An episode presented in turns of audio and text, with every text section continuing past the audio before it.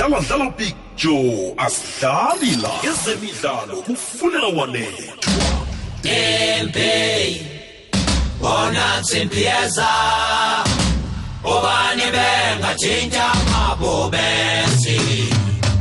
Tumela Big Joe. Akwande. Lena the son ka Motolo sadlala le mopedi wa Kwekwezi FM. Ngiyathokoza mpedi wekwekwezi. Big Joe na ke le khozi. Na Pirates ayishuthi ke Davi Pascal Garages iluzike last two games. Banana kweze batho itirela ekisowethi Davi Big Joe. Haya ukaze ipredict yet. Eh Leonard akukuthusi kancane ukuthi Orlando Pirates namhlanje ayikawini ngoba isikhathi esiningi na ukacala amadabi. iChiefs ivame ukubetha iPirates nangabe iPirates uthumbile umdlalo wayo wokugcina before iDabi iderby bese iChiefs iyaluza before iderby nje Orlando Pirates ayikawini idrawile ayingithuzi Pirates mina Big Job especially no ngiyayifuna le Nedbank Big Job mangithokoze Big Job amen amen Tempe bona simpieza kulula wanethu emnyakeni wamachumi amane wekwekwezi fm sisakulethela zemidlalo zisatshisa ngehlelo lezemidlalo kulela wanethwa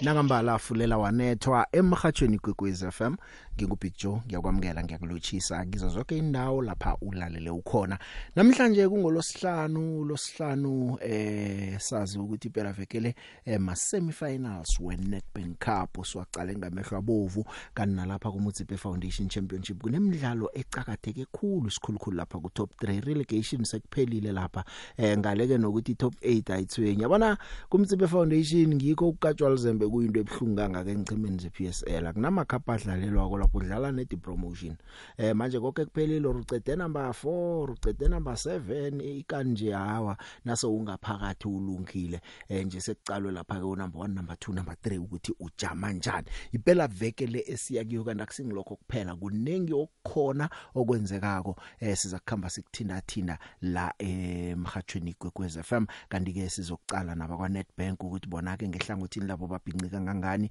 siya ku stadium management sokhuluma lapha ke nophethe ku stadium management uBetty Grobler eh, akasitshele ukuthi amalungiselelo kanjani ukukhumbula ukuthi ngempela veke sibuya kuyole lapha eFNB Stadium bekugcwele isanta kunengigaragara madoda kumcaliso kukumbi eh, manje ke abantu ayesicale nje ukuthi abalandeli bafika ngesikhathi hey yonke into indlela sivulekile itatawu linjani lona likulungele ukuphatha umdlalo onjengalo oyisold out ngalendlela na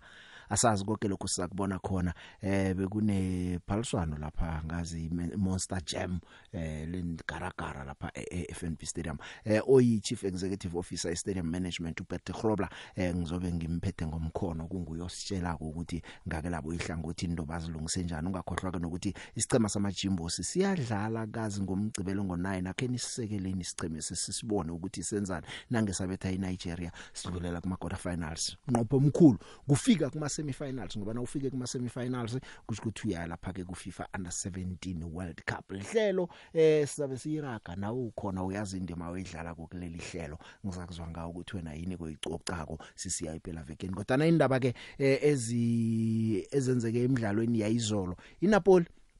ithumbe iSerie A izinkutani nayo ithumbe kusele 5 games izolo begidingwa ngenye indlela ebhlungu kukhulu badlale 1-1 neUdinese eh kodwa na ke yazi kwababhlungu wathi nawucaleko wabonta abadlali ababakaphephi yekhona babathabele nabababungele kodwa nabo ubabona abadlali ukuthi abakachaphuluki nabahogwako babungelelwe badoswa kufotwa inthombe kodwa nake uyazi ukuthi sekumele nje ube calm ebugcineni obujamela obunjalo usuyincenga ncenge la ugcine sewuphunyukile ubalekile kube kumbi kodwa nabathabile bona after 33 years yeah 33 years bangathumbi ileague yabona nje ukuthi ukubekezela kungangani 33 years bangal bangayithumbi iligi eh bancenga ncenga bancenga ncenga bagcine bafikile ke iNapoli iyithetheke siyayithokoza umswa weNigeria uVictor Osimhen eh uyidlalile indima enkulu esichemeni sayo iNigeria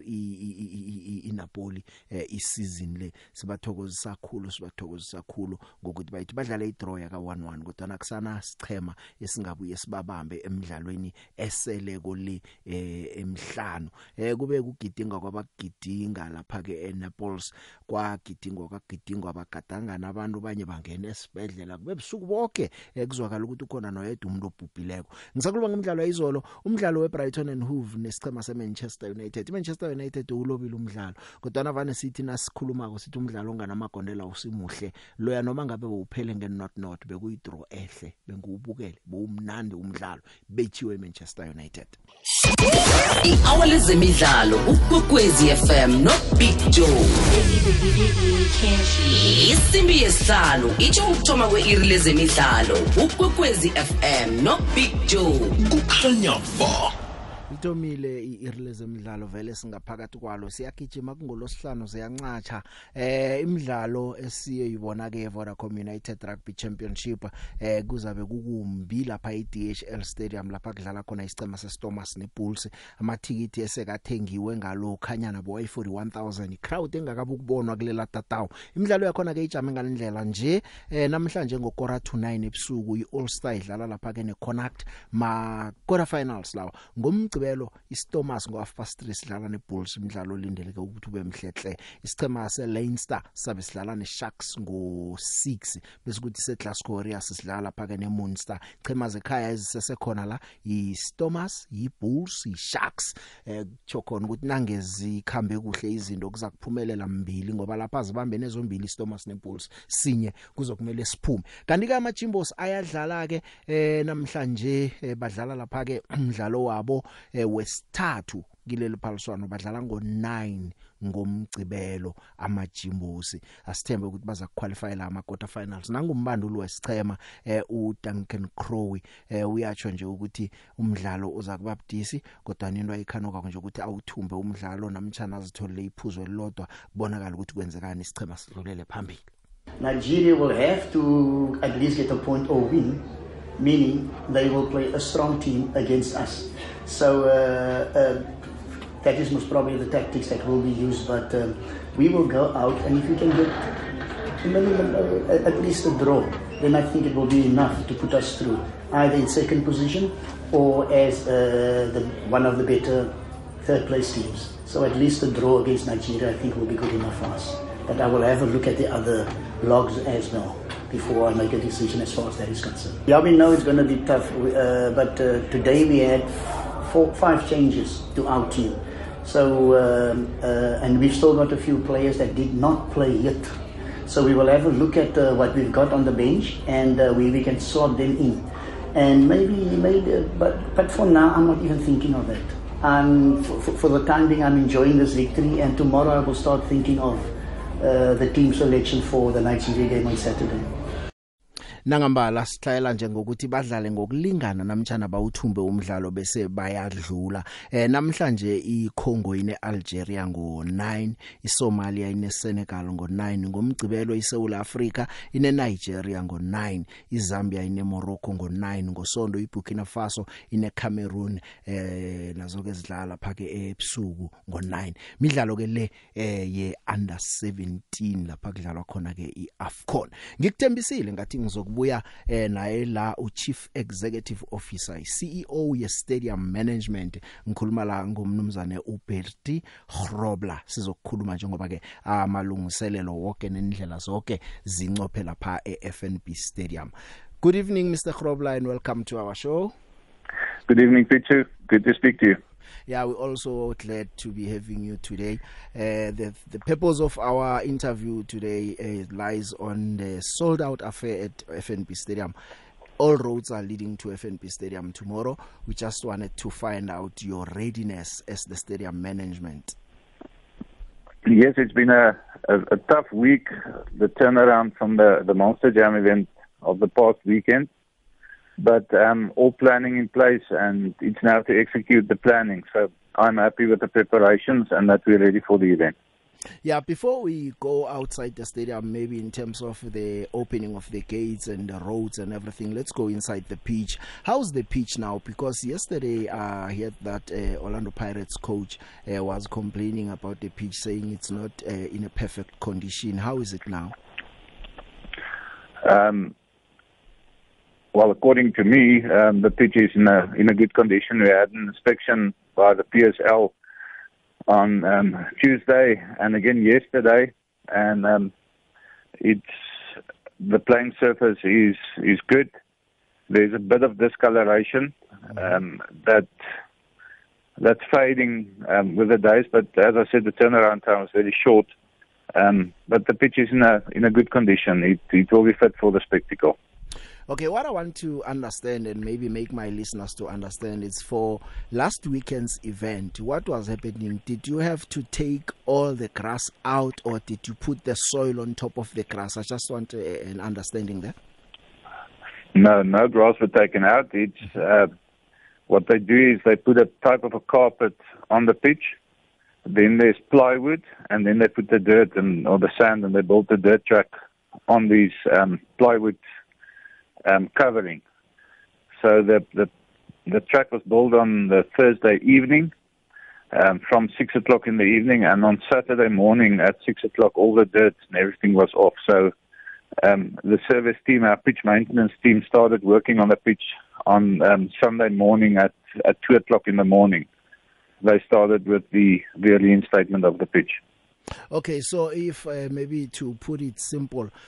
uh, I'd like just to understand as to those patches maybe it's because of the ban from the the carpet and the sand and rubble on top of it it is not the fact that the grass was taken out is it just the case of burning of the grass due to the heat 100% you're 100% correct so no grass was taken out there's there's no bare patches on the pitch that I can assure you it's a discoloration um there's obviously a lot of pressure on the pitch um, with the tons and tons of sand. And then uh, for two days it was um, out of the no sun uh, and no no air and no breathing space for the sand to call it in that or for the pitching to call it in that way. Um, so after the sand was removed, it was aerated, um, seeded, and it was brushed to let the leaves stand up again and start the drying process. No, yeah it's understandable hopefully uh, the grass will be in perfect condition tomorrow at 3 o'clock what I'd like to know now is when are the gates opening tomorrow we're now talking to the fans and the thousands of people that are become will be coming there the gates open at 11 mm-hmm. with a kickoff at 3 o'clock as you know and we want to encourage people to arrive early um there's going to be in the region of 19 to 94,000 people with all the service providers in the precinct. Um, so the earlier you arrive, the better and easier your experience will be. So now, uh, when the gates open at 11 o'clock, let's say someone arrive there around half past 11 or 12 o'clock, is there any activities maybe to keep them busy until 3 o'clock? Yes, the, the PSL as the event organizer uh, with the title sponsor NetBank has got some activations in and around the precinct and inside the venue. Um, and there's food courts available and, and bars that will be open. Um, so yeah, from 11 o'clock there is definitely something to do um, inside the venue. Mr. Krobler, just hold on for me. Let me go to an ad break and then we'll finish off when we come back. Thank you. Sihlabela phambili ke mlaleli nehlelo lethu imizuzu nje imachuma amabili nemizuzu emibili ngemva kweawale esihlanu ngisakhama naye ubaba uBetsi Grobler oy Chief Executive Officer ye Stadium Management. Eh uh, Mr Grobler my next question will be around security at the stadium. Does the security uh, measures fall uh, upon you as a stadium management or do they fall under the home team or the PSL? Uh, for this event under the PSL, but we were contracted by the PSL to um, to ensure and supply the safety and security um, planning, um, and some of our service providers will be involved in the execution. Okay. So I, I know this maybe might not be relevant to what uh, will be happening on Saturday, but now the Orlando Stadium is also under your management. We saw some unpleasant videos during the week where eh, a popular fan uh, was denied access to the stadium. So I just want to know if what when do things like the, those happen and what caused those things how what can we do maybe uh, as the fans to avoid finding ourselves in situations where maybe some won't be allowed access to the stadium Yes, I don't have the full background um, to what happened at Orlando. Um, in that instance, uh, the event is organized by um, by the home club and their security service providers. All I can say is what I saw in the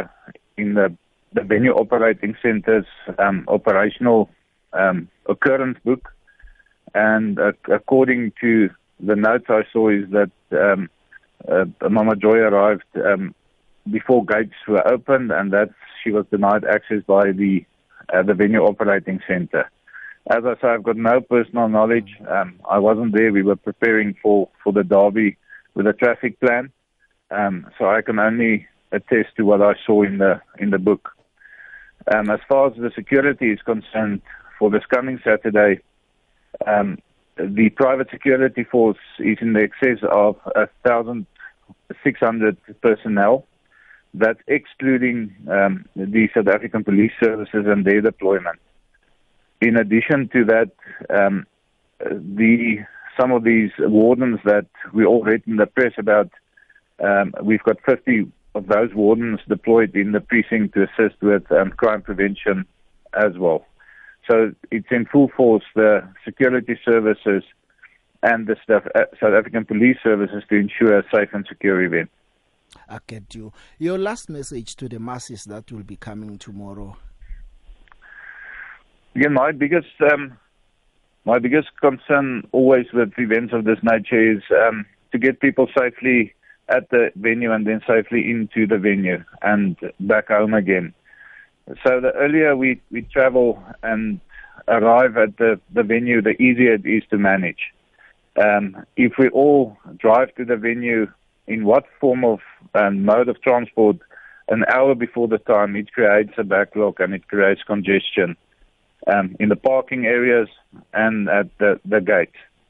So um, the plea is for fans to arrive early And then um, if you haven't got a ticket, don't come to the venue. There's a massive contingency of undercover police um, officers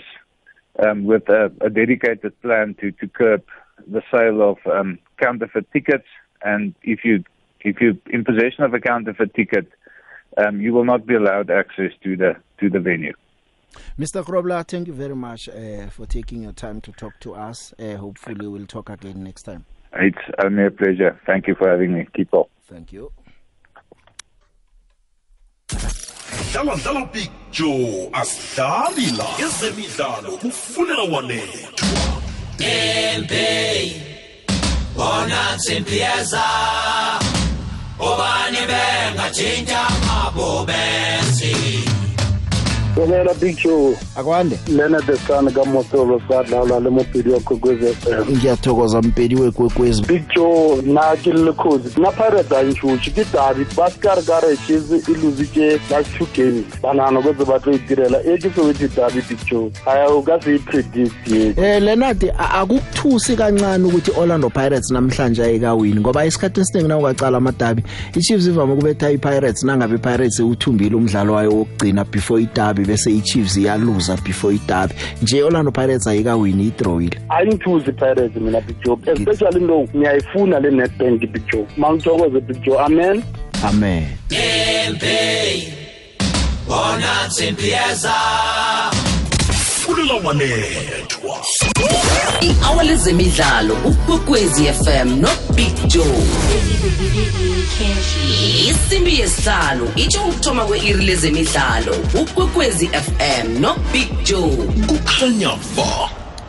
sasa ke kunjalo uyazizwa ke eh, bathumndwa kafike kusese nesikhathi alandele yonke imlayo yabantu abaphethe zokuphepha lapha ukwenzela ukuthi sifike siphephile sibuyele emakhaya sonke esiphephile eh, kutsho lapha ke stadium management asazi ke nami ngilindile ukubona ukuthi utshano kwabi yokubanjani ngoba inthonjana engizibonileko mnizolo namhlanje ekseni eh asazi kodwa nangendlela atsho ngakhona mhlawumnye kuzakulunga isikhulukhulu nakakhuluma ukuthi abakhutshwa mhlawumnye ngoba yibakhutshwa madoda kuba nendindi naba bagijima kubunande buyaphuma utshani asazi ke kuleli hlandla ukuthi biyokuba njani ngoba sesilile sitabantu bafike ngesikhathi abantu baye ngobuningi bathenga amathikiti bangakhona ukubukela ibhola esezingeni ngebanga lokuthi isikhathi uthola ukuthi eh netata utshani nje abuvuma ukuthi ngichema sidlale ibhola ehle Kaizer Chiefs izabe ifuna ukubethe Orlando Pirates ehlandla lesithandathu ngokulandelana njengoba bazabe badlala nje emlandweni eh, wengicheme embilezi lokho kwenzeka eh ngo1991 no1992 kuphela sekudlule 30 years kungakabu kwenzeka lokho asazi ukuthi kuzakwenzeka na kodwa naziya emidlalweni lo Orlando Pirates ngiya eya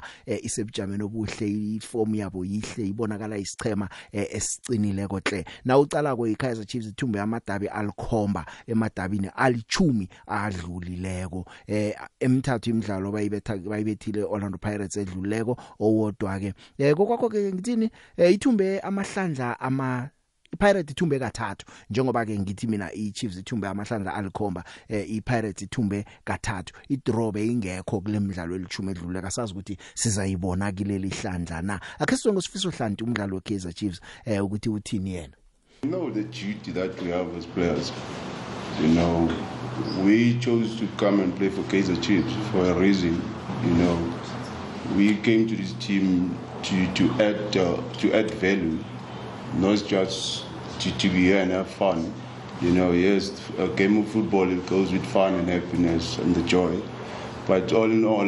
it's all about us to, to do what we can do best. You know, we also need to assist uh, coaches. You know, by doing the right things and uh, the mental strength as well. It has to it has to be there. You know, the positive attitude, it, it, it, it can keep us uh, in, a good, uh, in a good space whereby we'll be able to do things in a better way. Because at the end of the day, we might point fingers, but it's not going to help us because this is a team sport. You know, it's not an individual uh, individual sport. So for me, what, what matters the most, you know, is to is, is for us as players to be united uh, in the difficult times and good times. Because once you start worrying yourself about such things, you might feel that you are not good enough, you know. But if you are strong mentally, clearly, whatever comes, you can deal with it.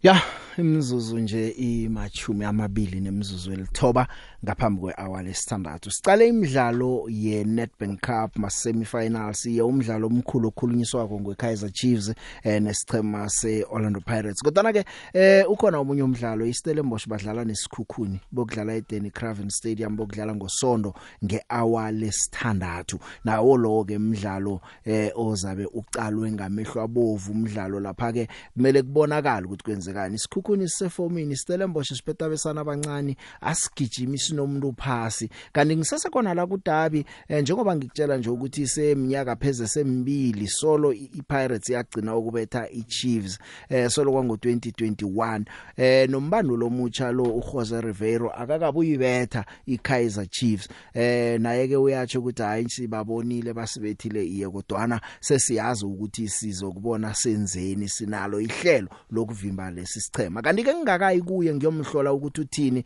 ngine bakwa Nedbank bakwa Nedbank ngibo abasekeli nabasilethela leli phaliswano leli eh le Nedbank Cup ke sizwe ngake labo ihlangothi eh ukuthi izinto eh zijame njani ke ngithi nje msinyazana eh ngithole la eh okhulumela bakwa Nedbank sabe sikhuluma naye uphethe lapha ke eh, oy group executive ku marketing and corporate affairs ngikhuluma ngo Kensani Nobanda Kensani ngiyakwamukela ngiyakulochisa umhajo ikho kwekwez FM yetshe mama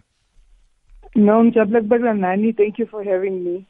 Siyathokoza sicale iphaliswane limnandi leNetbank Cup eh lonyaka waka 2023 eh likhamba kamnandi ukufikela nje nina njengabasekeli baleli phaliswano nilibona njani No sicabanga ukuthi lati lihambe kahle mawucabanga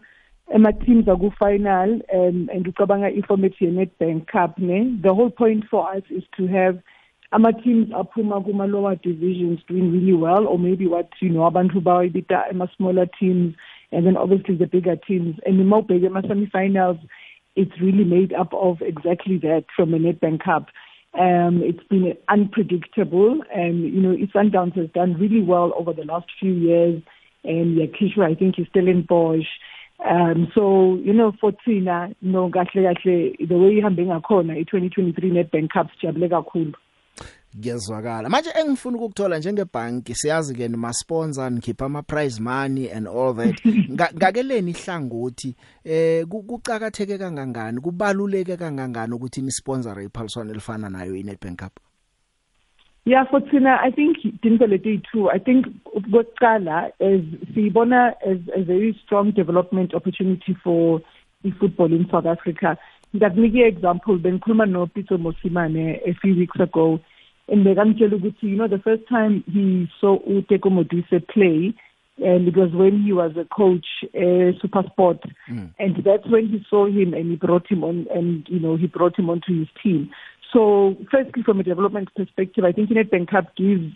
teams and players an opportunity ukuthi babonwe in the bigger teams and i mean iBaroka FC right now besine ke siyadi i think mm. bangadlalanga kune bank cup so that's the first thing I think the second thing is important ukuthi isports se-football sibe nama-sponsors are committed um, and adofaka imali to grow the sport so if you look at the prize money in Nedbank Cup, you know, it's over 20 million for grabs. The final winner will get 7 million rand overall. And even the lower league teams, as long as you've qualified for the main draw, you receive 100,000 rand, which for teams like mm. that is a big deal. Mm, yeah. Um, so for Tina, like in terms of a commitment to football, it's very important. And as as Uwati, which i-team lewinago itawudlala on the continent of Africa.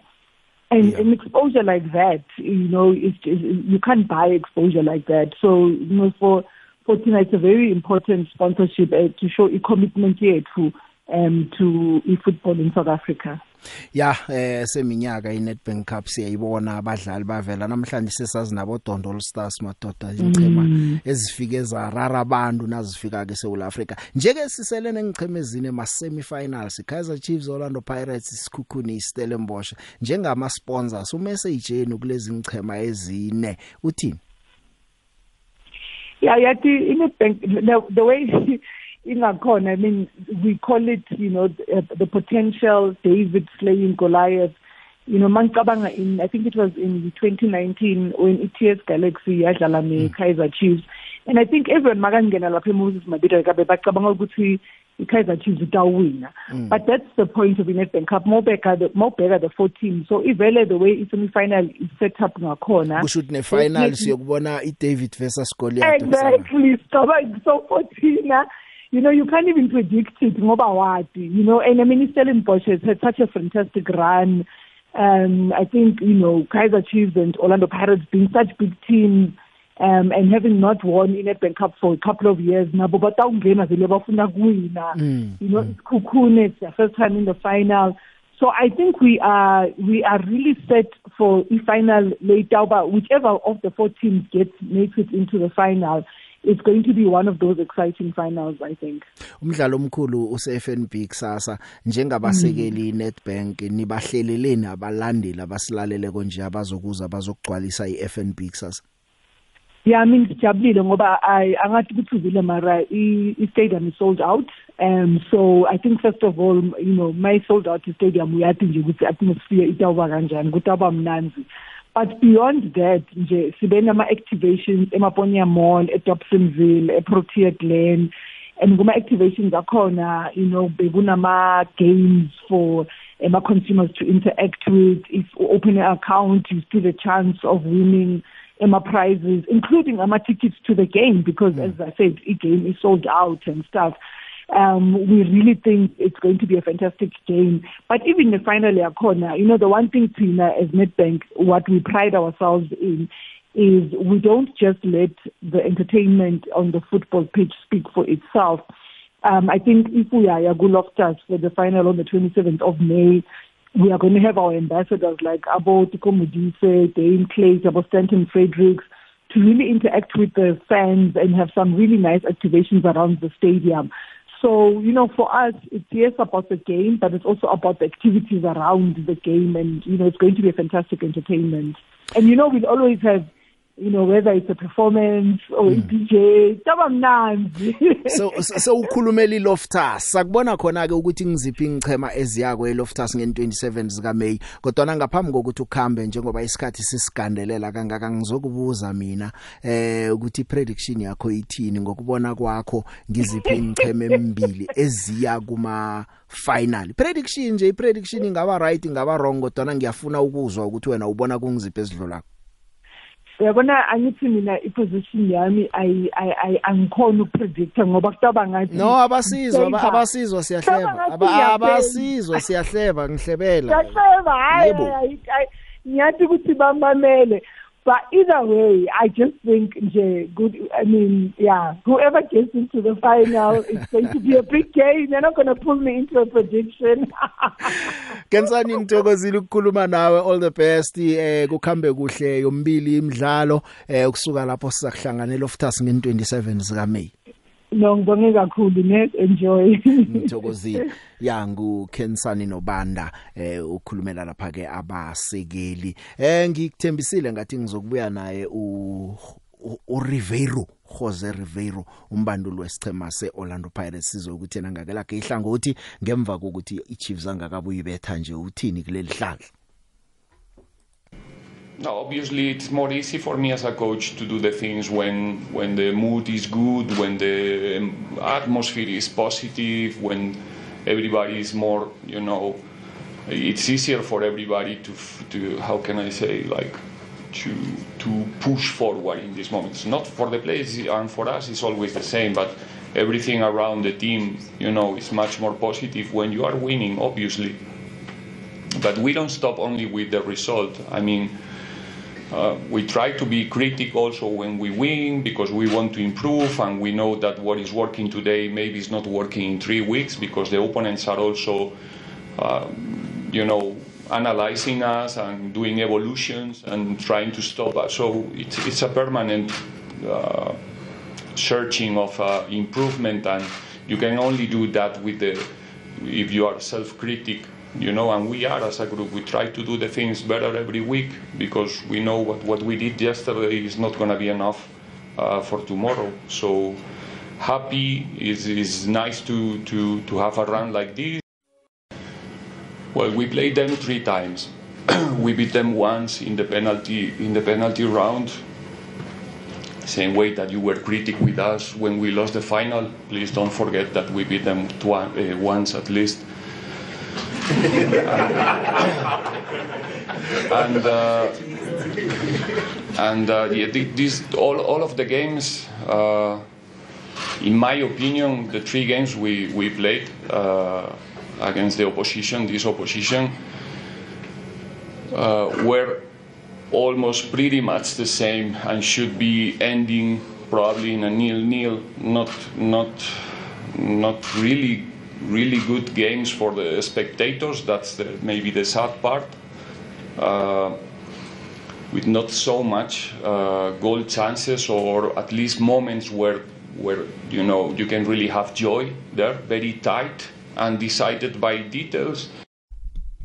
ya asazi ke ukuthi abokuphuma abathabile kuzabe kungibaphi ngaphakathi kwetata kodwa nangizabe ngiyachapha nangingikutsheliko ukuthi eh ngomngosondo kungenzeka sikhuluma indaba ukuthi Kazrick izinkutani eh, ze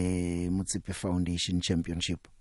iKaizer iyokudlala neVenda Football Academy eh lapha eSolomon Mahlangu umdlalo ucakatheke kakhulu ngehour lesithathu eh umuntu akafike kusese nesikhathi kungenwa simahla eh iKaizer ina 54 points ichiya iCape Town Spurs ngephuzu elilodwa ina 53 iPulukwane ilapha German besithathu nga 51 kusele imidlalo emibili okuthi ukuthi maphuzu asithandathu lawo kodwa ke iKaizer ina ingathumba ngosondo ibethe iVenda bese kuthi Spurs nePulukwane ziyayiloba imidlalo yazo kutsho khona ukuthi eh, isichema sakwamhlanga sizabe sizinkutani singena ngaphakathi kwe DStv Premiership ngikubuyisela emva nje ngikukhumbuza ukuthi eh, iKaizersburg ikhona njengoba kwathengwa istatus se Free State Stars eh, yasuka eza ngaphanga kwamhlanga nganeno eh, nje ke ke asazi asazi kuyokwenzekani bathi bangathenga istatus eh, bamthatha lapha ke waye babandula lapha ke isichema se Free State Stars uPaul Polos Masehe noThabo Ntete ngiba basebenza lapha ke noBucks Mthumbini baba banduli babathathu balesi sichema kodwa na ke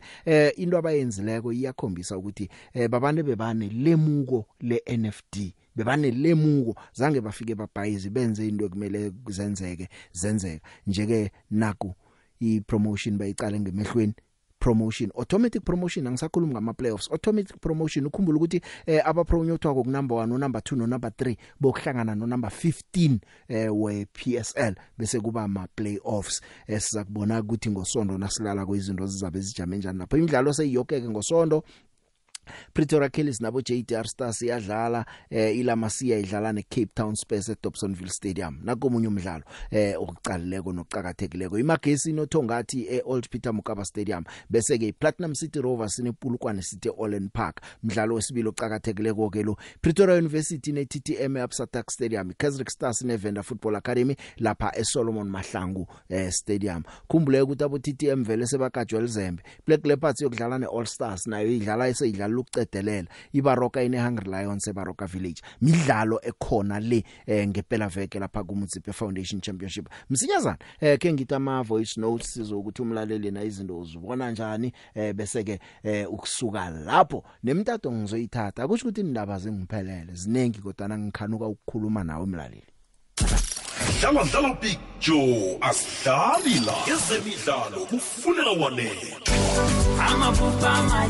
big joe uyazi uyazi ngengiphupha ngebholo ngibona ichema sakabakho wakathombeni ikazrik fc sinekelwa bonongorwana abahle ngabona ubhaku wakathombeni akhuluma ngegama lamatshe evinomoya wasezimbabwe naye awawuthi simunikele emphonyana anginikela umpho egedlela reredi libhaliwe casrik fc ngatha kakhulu kwahambala so ngiyafisa ngicabanga ukuthi ikhazi ligi le ithumbe umutsipe foundation mhlambe nami ngingathola igedlela re-red hayi madoda ngiyalifuna le gedlela isiceba sekhaziriki kusezandleni zabo nanje ngisatsho mhlawumbe umoya uzalithola-ke negedlela ayicabanga kule mhlawumbe ngabo uyayithole nange isichema sisebenze kuhle ya no moyo ulale mini ulale mini bhutakini lwezi nje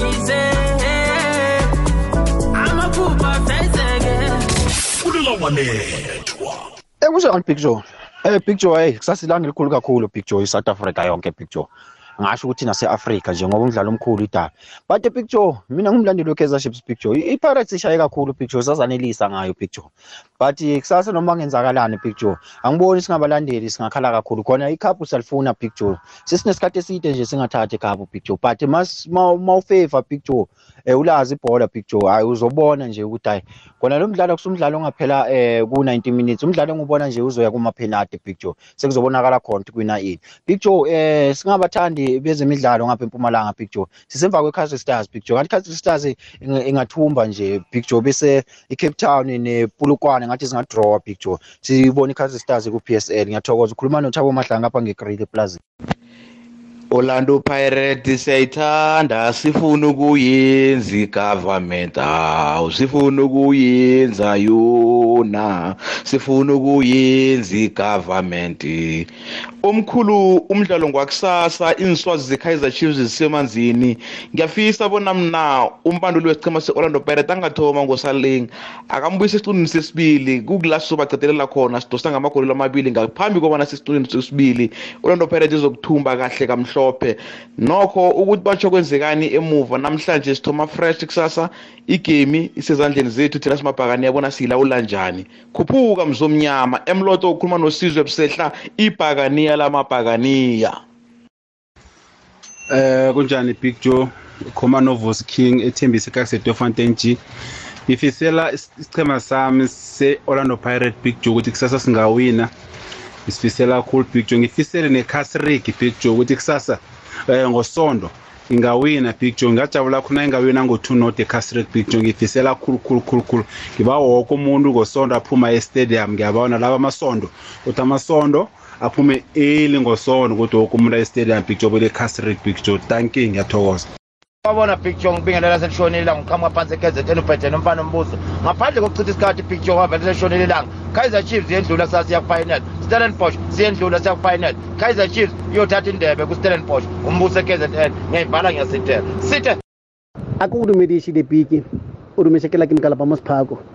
eh, tsema ke thomo ka go lakaletsa mahlatse matlhogonono um eh, under seventeen o ka re ka bapala gabotse bapala nigeria ke tle gaming ya ka o sane dipiki a eh, e e ke bone orlando pirates e dumela go ja ke kaizer chiefs le pike um kapong a ka lebelela kaizer chiefs e jele dikeme tse di fetileng so gone jale ke nako gore orlando pirates e pay revenge especially mo kapong a le motlhatlhi wa orlando pirates ena depike a thome ka ratombo depike o bapale ga botseng fanola ke nagana gore o tlo mo direla tse botse o ne a restile di-playera tse dingwe so mfanola a pontšha emiša seatla gore nyoko thoma le game so a mo thomešile ka game depike ka moswane e tlo wina orlando pirates ke bona e wina depike di ka extra time the peak Orlando Pirates winner ke bona di-troya di ya extra timing and then Orlando Pirates kora e ba 2-1 ka extra time the peak thank you the peak baba mthweni nobaba tsima sanibona baba tsima eh, umdlalo webrighton ngiwubukelile mina uyabona lapha bekudlalwa doda lapha bekudlalwa ngithi vele kudlalwe ifinal ngithi kudlalwe ifinal bekudlalwa lapha strong ngibuke leleya game toti 98 minutes hhayi kudlaliwe lapha nto kudlaliwe straight ibrighton iyadlala futhi hhayi one leyo penalty hhayi beyiseva amagoli ibrighton ibrighton beyidlala strong idlalile team hhayi mina amajimbosi vela hhayi nginawo vena alapha maka adla izambia bengiwabukela bengiwabukela hhayi ngiphushanawo ndoda ngiphushanawo tsima umarcos edavidone iqhawe lezemidlalo ukwekwezi FM no Big Joe isimbi yesihlalo itsho ukuthoma kweiri lezemidlalo ukwekwezi FM no Big Joe kukhanya ba nangambala umkhanyo siuletha lapha ukhona eh ungakhuluma nami ngawudosa umtato nawe ngizakunande ngiphosela ama voice note ngidosa imtato ngoba ngiyabona banengi abantu abafonako nama voice notes maningi kwamanikelela ya umdlalo wayizolo phakathi kweBrighton neManchester United ngike ngathi bekumdlalo omuhle bebe nginganaso nesizungu sokuthi izidlala uNot Not bengi enjoya umdlalo eh akukapheleli lapho ke kuyadlalwa nepela vekele ke lamangisi Tottenham ne Crystal Palace kusasa ngo4 uva Southampton Wanderers neAston Villa ngo4 Bournemouth neChelsea hey iChelsea ngisakhuluma ngayo ngiyabuya kiyo eh ngo4 iLiverpool neBrentford ngo half past 6 ngomgcibelo ngosonto iNewcastle neArsenal imidlalo engicabanga ukuthi yoba mnandi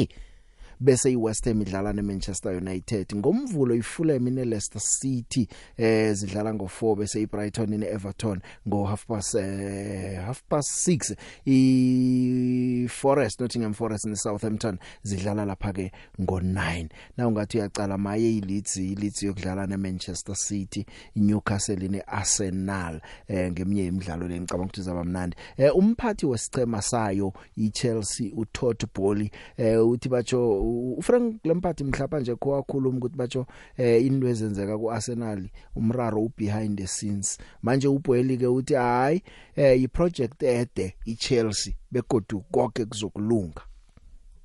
It's such a global sport and unlike in the US there's no unions so there's a market for top players in every country in the world And each one of those markets is different. You've got the Portuguese market and the French market and the English market. You know, the, so the uh, uh, ability to go to these markets, and then of course, obviously, you have to build a team, and your coach is a, the conductor of the team.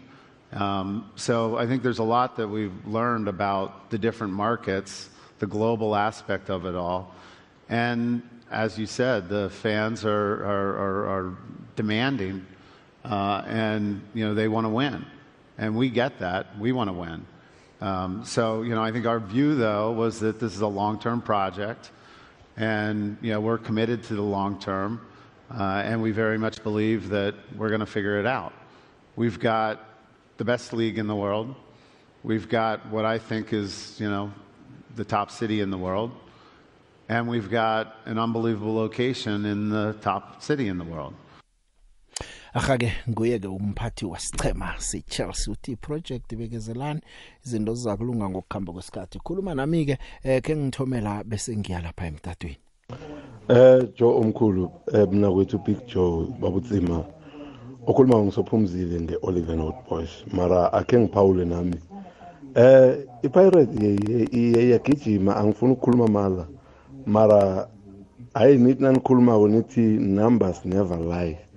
number don't lie so ngineshow ukuthi umlando ngendlela ungakhona usazokuragela phambili amakhosi asazoyenza leyo nto leyo ngoba engikwaziko ngamakhosi angavela ahluza akuhamba phasi ahokuba ngamathumbu mara kwathiwa i-pirate nasi ajama ngamatontolwana ngama afuna afune nje ukuzithola ngaphezu kwayo noma ngabe kunjani ikhosi yokhuphuka njalo ya kuzabe kukumbi eh, kusasa usemoyeni yeche ngaphakathi wathi kunjani ngikhona mina eh picture mina hleze pheze ichizo sesiqadi kulandelana maningi ama semifinal engiwavukele kuchizo wadlalako ine kaningi angasengakayiboni iphuma kuma semifinal ichizo kaningi uyibona vele igcina iphuma ku final or yafika kuma semifinals vele vane seyidlula na uyidla komuntu uyidle kubo la 16 la 32 kubo quarter final ku semifinal ayisadliki ya lapho uzengcoba the big lapho lapho uzengcoba mara lisafika kuma semifinal hayi awuzazihoni Kaizer Chiefs angazi ukuthi awucho yakade le yayi Chiefs nakhe sibone ukuthi yanjele injani yakade mhlambe mm. nalapha the big man ku besenza manje kwi Kaizer Chiefs hayi man ayizithumbele imidlalo le yomibili then iphume platform ukuthi ipulikwane ipulikwane hithi yenzani Cape Town Spurs yona ithume imidlalo ngombili then iphume platform itsele ku DStv 3 ngikuzwa moya ngicabanga ukuthi nabo bayakuzwa bayafuna ukuphuma platform ngithokozile usemoyeni bakuphima akwande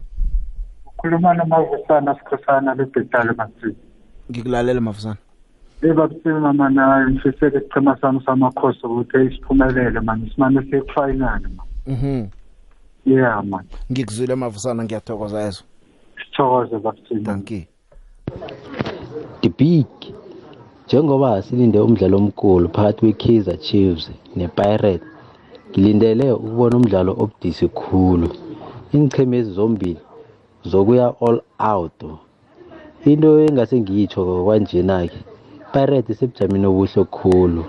kodwa ifomu yayo ayikhawunti ngedabi Ngalokho-ke umdlalo lo yophela nge-nought nought ziye ku-extra time-ke kuphela kube lilize ngapha nelize nangaphana-ke um eh, i-Chiefs yowuthumba ngama-penalty-ke nangu-Clodagh ngalimastrepsini ya sebathatha bakhulumisa indaba yabo extra time nama penalty ngathi awuzokuphela nge 90 minutes ngokuya kwabalaleli se abathathwe sebangenile usemoyeni nawe yeje the very big joe akwande baba ngiyavuka big joe uvukile wena big joe ngoba umnanhlanhla kwesport endrosu maseko ngikuzwa kamnandi maseko eh big joe azange siuthloge umthandazo ukufana nakusasa kusasa ngifisa ngathi chizi ngadlala kuhle iphume ngoba na big joe siyalithloga yabona leli leli cup leli siyaliphloga bijo ngiyakubona konke babo omncane usesenethemba mara namntu abantu nakwabhalalela eh le, le TS Galaxy lapho msoko umuntu wayebhejile ukuthi nikuya nalo lela bijo alisekho elinye yabona thana bekukhona elinye bengizotsho ngithi hayi kusesekhona okunye bijo nasiphume kusasa bekwabhala nawo never ngakhe likhomba likhomba mingakhi iminyaka 8 yeah bijo ngithokozile ngidedela abanye thokozwa ngimi Ah sithokoza ngabo Big Joe emhathweni. Big Joe igame yakusasa izobe inzima kakhulu mara ke mina ke ngembalobalo nginikeza iOrlando Pirates Big Joe. Chiefs yangali iyayibetha iminyaka le iOrlando Pirates but ngoyibetha kwayo just beyibetha ngokuyiguguthela straight straight bengayibethi the big bese Sunday khona eh Stellenbosch siya kuma final the big khona nekhosilihle mahlangu ngaphambi kweliveni yathokoza Khose lihle nabakhona unikukhuthela amahlandla adluleko bangahlulwa yini kusasa kukhukhutha kudu. Usemoyeni yeje? Siyabathela eh, ngamanzi kusasa, sibathela ngamanzi Big Joe. Nibo bani nithela bobani nina? Yeah, uBigio nesikandana flash lobo le. Sho sho. Ya kubathela ngamanzi Big Joe beke wena kuyoba nzima kusasa. Ulibhakaniya kusasa ubathela ngamanzi. Ya indaba kudala le yasayimbenzi manje 2023 baba. Isizini lebani bethu kuya nokubuya. Ganentreg. ya ukhambile usilahlekela ijo asithokoze asithokoze emhashweni kokwezi FM ke sikonyela sabatlo umona siyathemba balfo yabona picture ngibhetha ngomsebenzi wami i-production manager yami iyibhakaniya hayi la ngibhetha ngomsebenzi wami ngithi hayi ngindlula nje ngindlula nje thulo ulalele wena ha ya indoda ibheja ngomsebenzayo yeyi ibholo ya ibholo into ecakatheke kakhulu ebantwini into ethatha imizwa kakhulu eh akudlalweke iphela vekele ngoba into engizwileko hayi okumuntu nje nomnye uthi isichema sakhe nomnye uthi isichema sakhe kodwa na ke sinye isicheme kumele sithume ngomgcibelo sinye isicheme kumele sithume ngosondo phakathi kwestelembosh nesikhukhuni eh may the best team win eh kaninga ngalenga ku Mutsipe Foundation Championship nakhona sabe sicale ngamehlo abo uvu ukuthi kwenzekani kule ngichema eziku top 3 ngake linye ihlangothi sicale neUnder 17 amajimbosi wethu ngathi nabo bangenza umsebenzi omuhle mlaleli phela veka kwaye bemnandi uzimo akuhlogomele uziphathe kuhle nawe ngomvulo sibuye siphelele sizokucoca lapha thokozini